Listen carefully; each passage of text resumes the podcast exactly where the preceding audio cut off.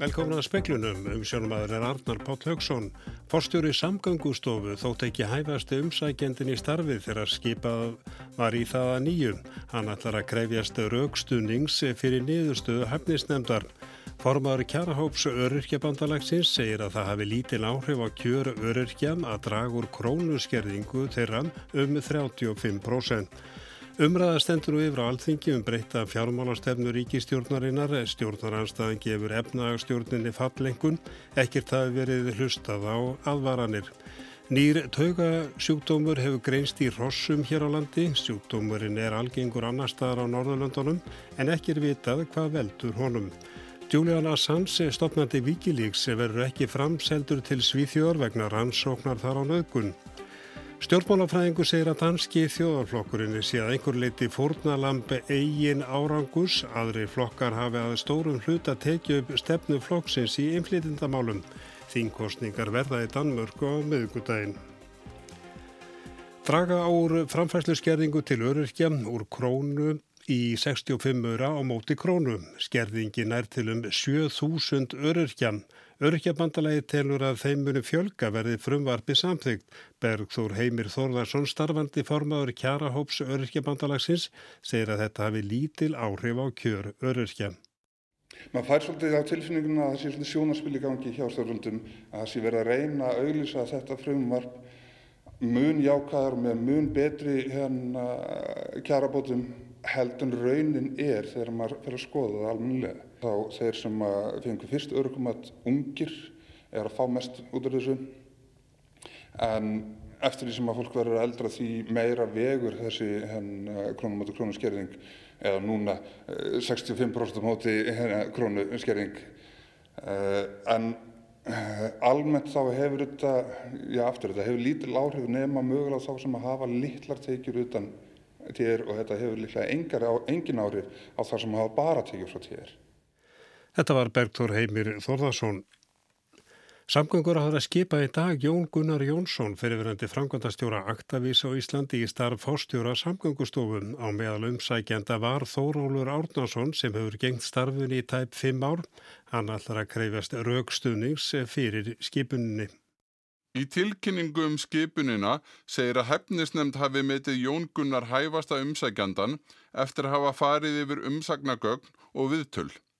Samgöngur á þeirra hafi tekið viðtöl við þá fimm sem nefndi mat hæfasta og það hafi verið mat hans að Jón Gunnar hafi verið besti umsækjandin.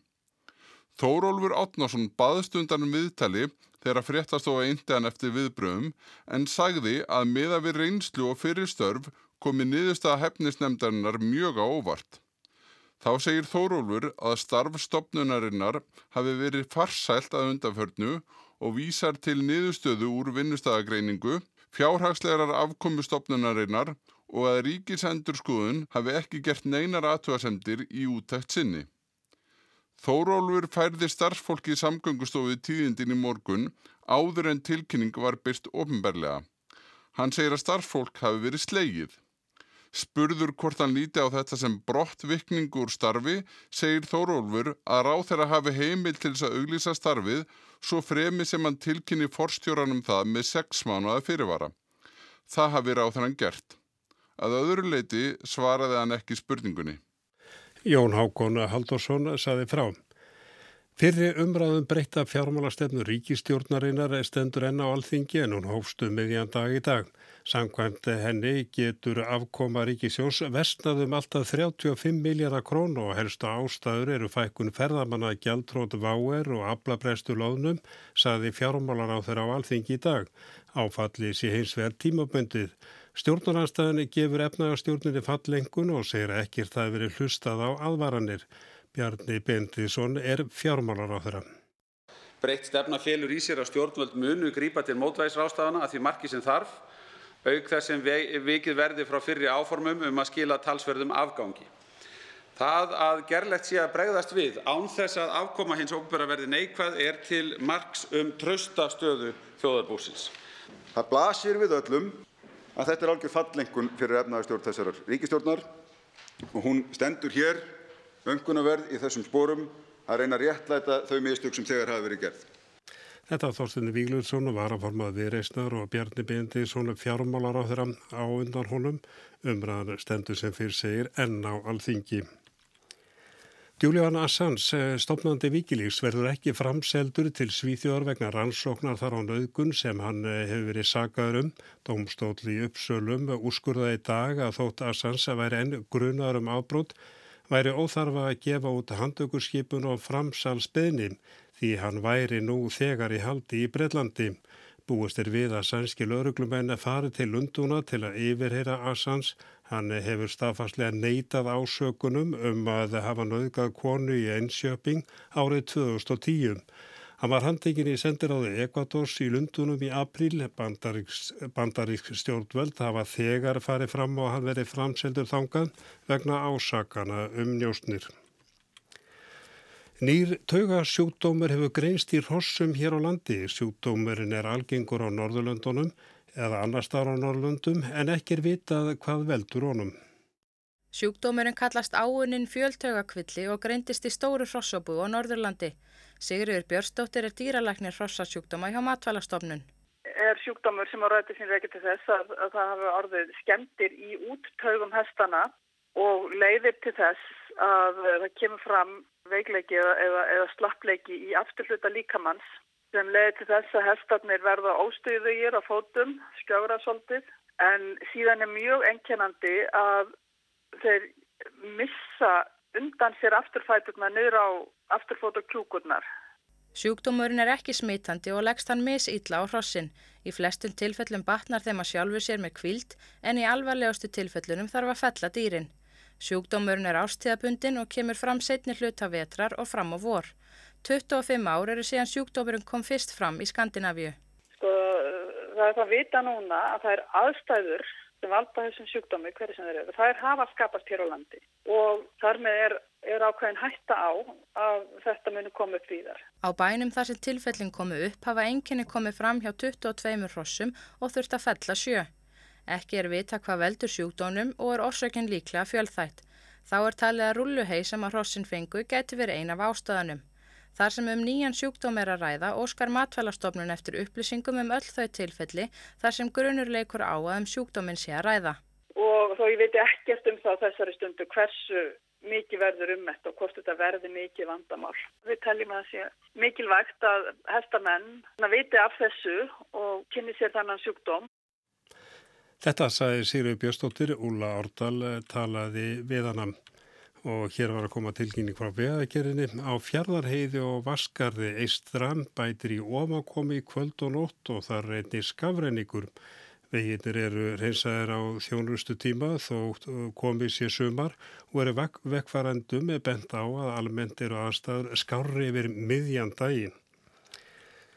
Fjölmenn mótmæli gegn Alexander Vucic, eh, Serbíu fórsita og stjórn hans heldu áfram í Belgrad og fleiri borgum í Serbíu á lögadag. Týjur þúsunda hafa sapnað saman í höfuborgin á hverjum lögardegi um sex mánuðar skeiði til að mótmæla stjórnarhátum fórsitans sem mótmælendur segja einkennast af einræðistilburðum og valdnýslu. Vucic sem nú talar fyrir Európusambands aðild Serbíu á sér fortíð í flokki augasinara serbneskra þjóðurnisina og gengdi meðal annars ennbætti ráðherra upplýsingamála í ríkistjórn Slobodans Milosevic. Petra Sivic, frettakona BBC í Serbíu, segir að þótt að serbnesk stjórnmál hafi þróast mjög í líðræðis átt eftir fall Milosevic árið 2000 óttist margir að landi sé smá saman að falla aftur í hitt gamal kunna far af aldbóðs stefnunar undir harði hendi Vucic stjórnarinnar. Mótmælinn hófist í novemberi fyrra eftir að Borko Stefanovic, leiðtói eins stjórnarnarstöðuflokkana, var barinn til óbóta af þremur mönnum. Þótt Vucic hafi fordæmt árásina og svariði af sér öll tengsl við árásamennina er svo trú útbreytt meðal pólitískra anstæðinga fórsetans að þeir komi úr röðum fylgismanna hans. Stefanovic er einni á þeirri skoðun og gerir Vucic ábyrgan fyrir árásinni. Hann hafi kannski ekki gefið skipununa en hann hafi á síðustu sjö árum skapað þannig andrumsloft í Serbíu að hver sá sem er ósamála fórsetanum og stjórnhans sé sjálfkrafa og tafar lust útrópaður sem óvinur ríkisins. Ævar Örn Jósefsson sagði frá.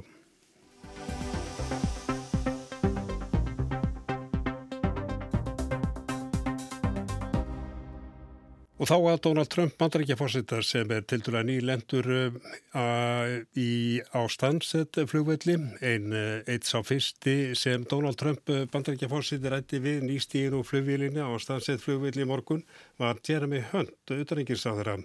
Í viðtali nokkrum mínu síðan sagði Hönda Trump kvartaði við Sadik Khan borgarstjóra Lunduna sem hafði áður lísti Trump sem skýrast að dæminu um vaksandi hægri öfgaöfl í heiminum, sömu öfl og orsökuðu síðar í heimsturildina. Heimsókninni vekur spurningar um óljósa breska utrengistefnu og óklárað Brexit nú þegar Theresa May fórsættistráðar er búin að segja af sér. En Sigrún Davíðstóttir, þú hefur verið að fylgjast með þessu.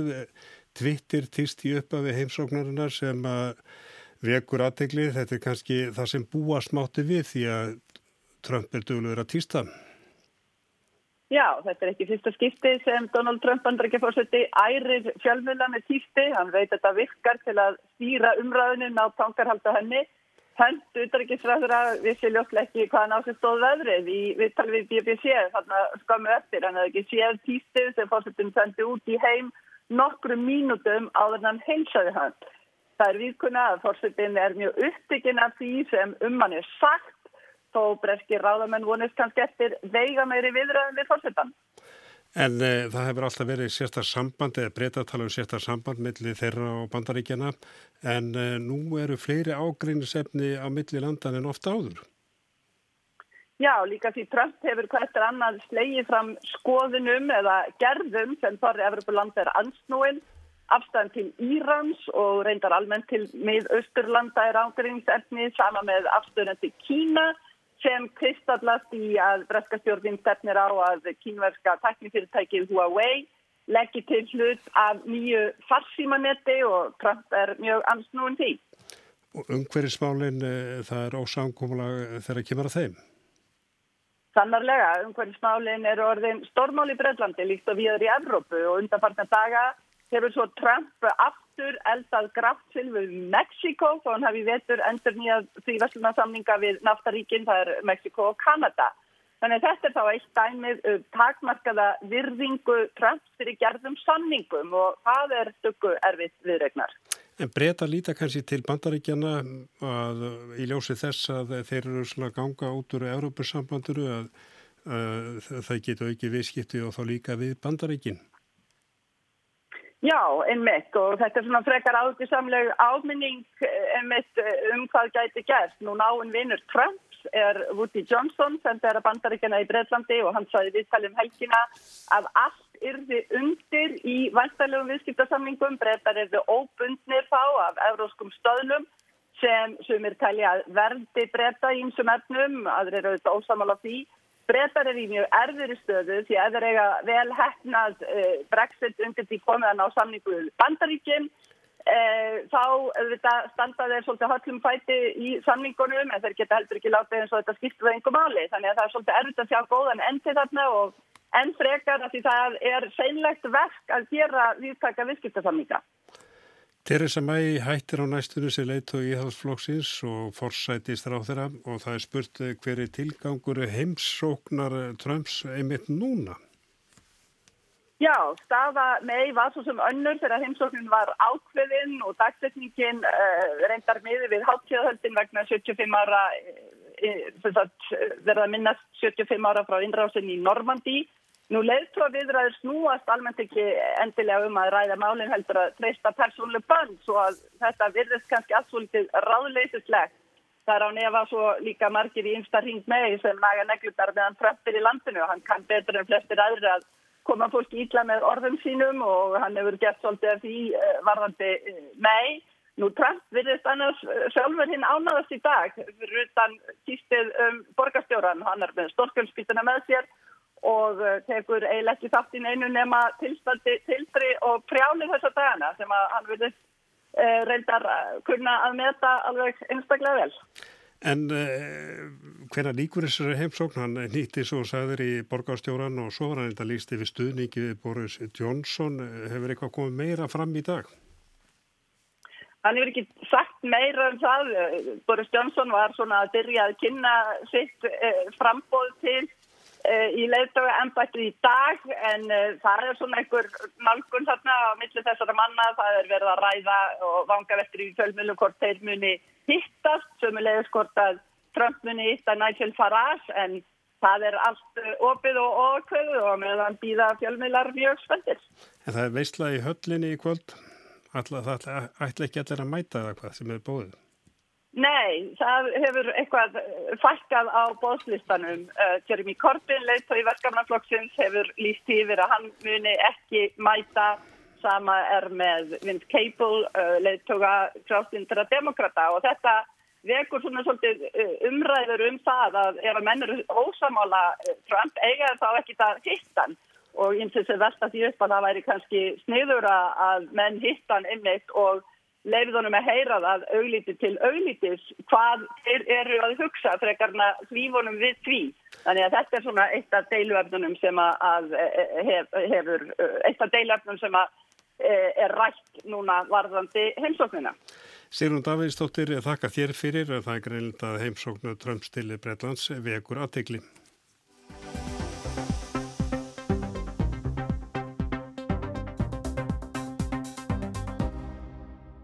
Stjórnmálafræðingu segir að danski þjóðaflokkurinn sé einhver leiti fórnalambi eigin árangus, aðri flokkar hafi að stórum hluta tekið upp stefnuflokksins í inflytindamálum. Hör stefna stram kurs hafi nú tekið við keflunu sem áður var í höndum með mógans glistrup og píu hérskor.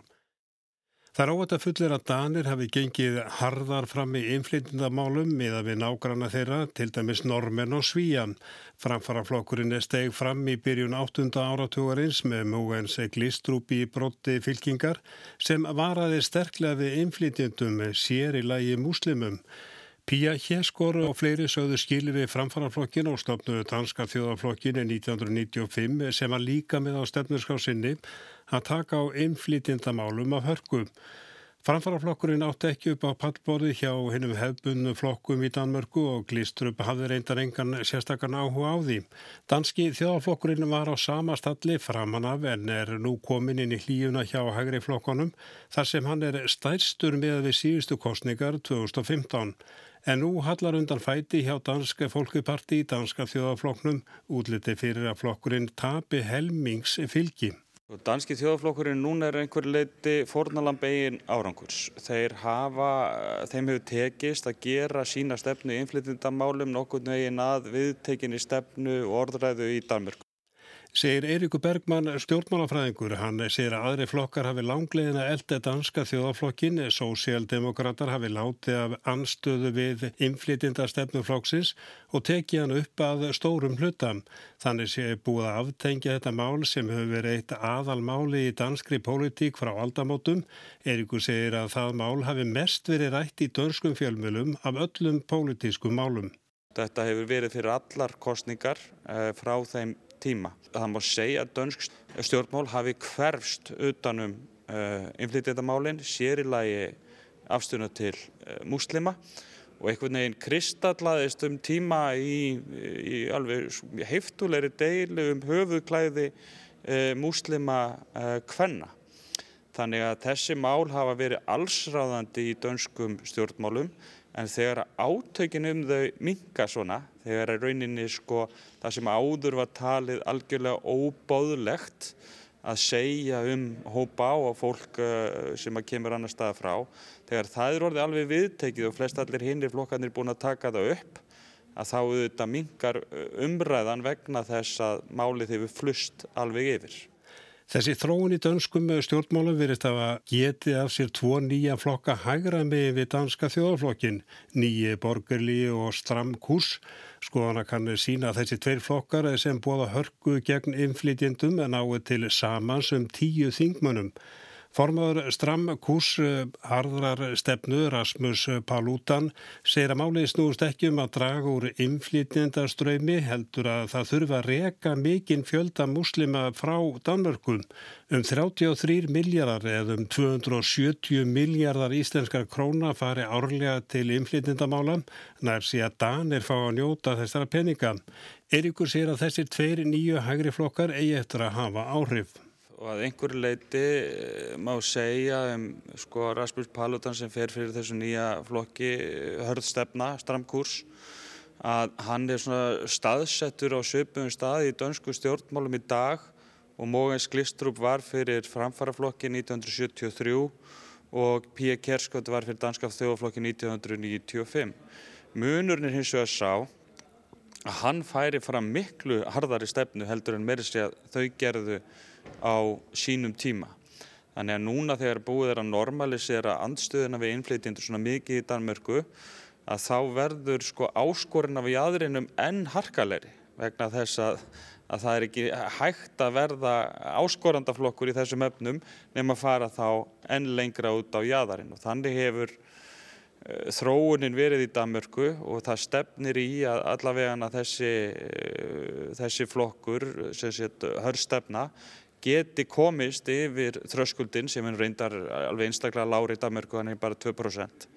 Að þeir komist yfir hann og fari inn með 3-4 til 5 uh, þingmenn og þá ertu auðvitað komið með inn á danska þingi flokk sem ekki er hægt að flokka öðruvísir heldur en sem nýfasískan það held ég að sé alveg, alveg skýrt, hann til dæmis talar um það að það væri best ef engir múslimar væru eftir í heiminum.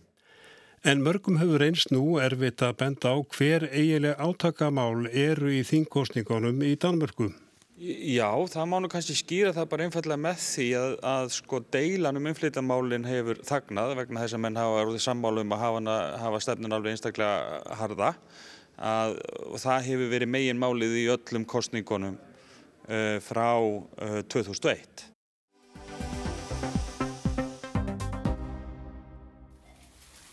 Hvað egar stjórnaráð Íslands, Orkan, Bónus, Þjóðkirkjan, IKEA, Ölgerðin og bókabill Borgarbókasapsins sameinlegt? Jú, þau hafa kólefnisjafna starfsemina eða hafa áformum að gera það. Listin er ekki tæmandi.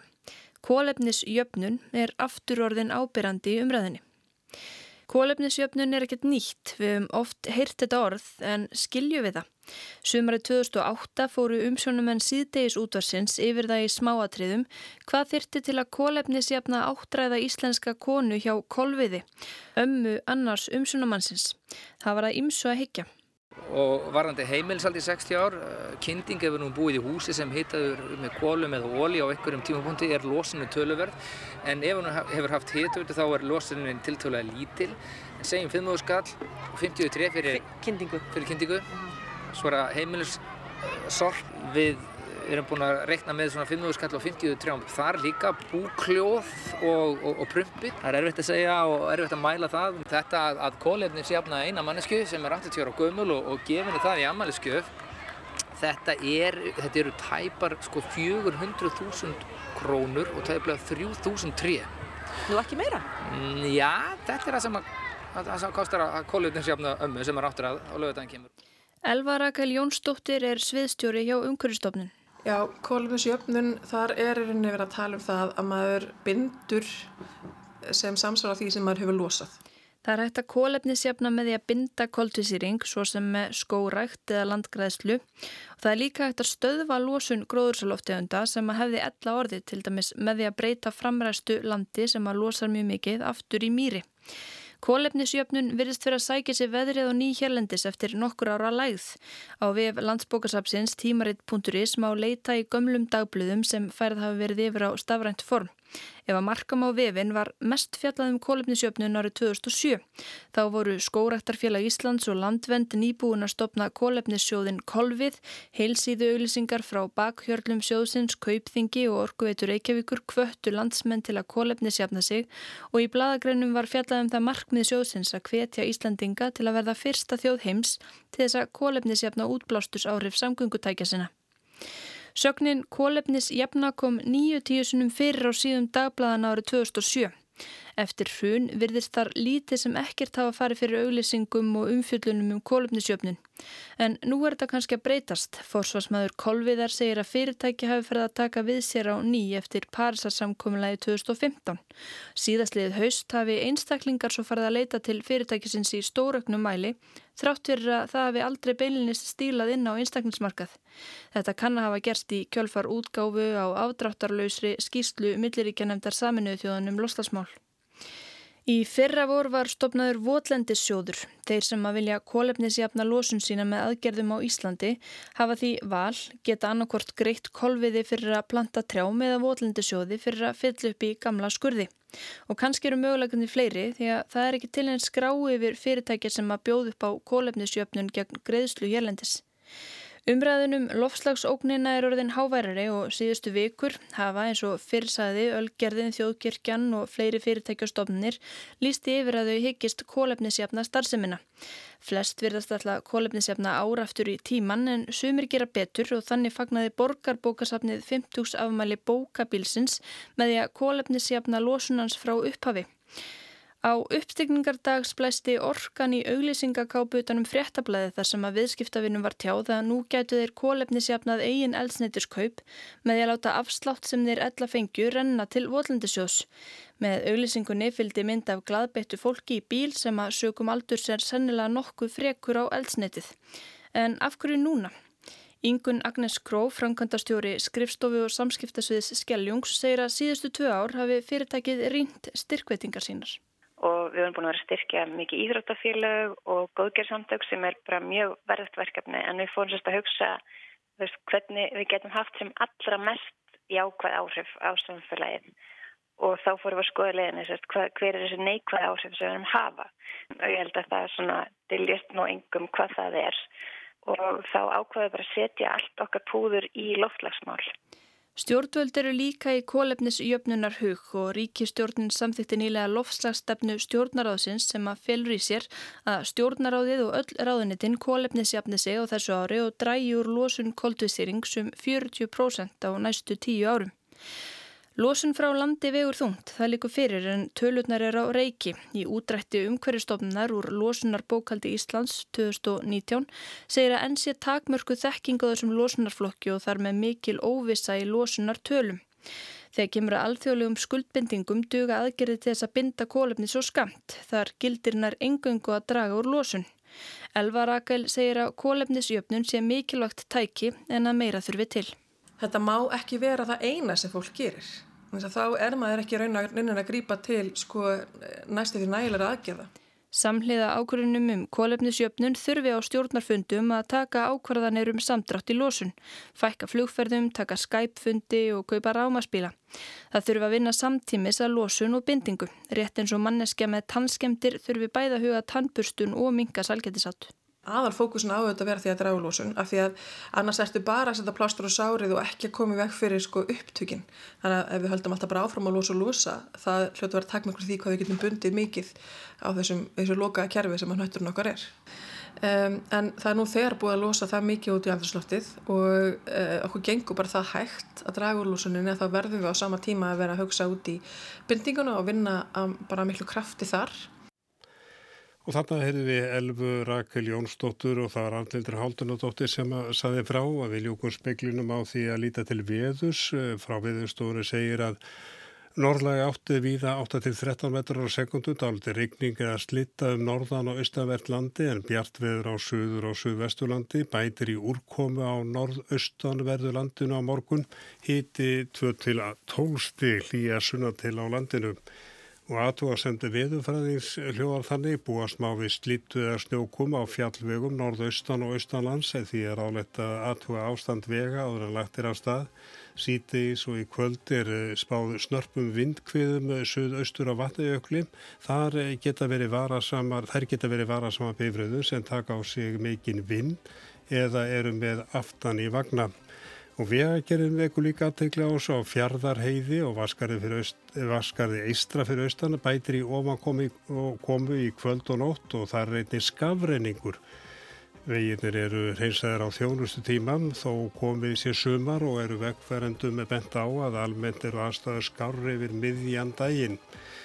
Við sögðum frá því í speklunum líka að fásturinn samgöngustofu þótti ekki hæfast umsækjandin í starfi þegar skipa var í það að nýjum. Hann ætlar að krefjast raukstuðnings fyrir niðurstöðum hæfnis nefndar og við minnum á sjómarfjöldi klukkan 7. En það er ekki fleira í speklunum með teknum aður var Martin Martinsson verið í sæl.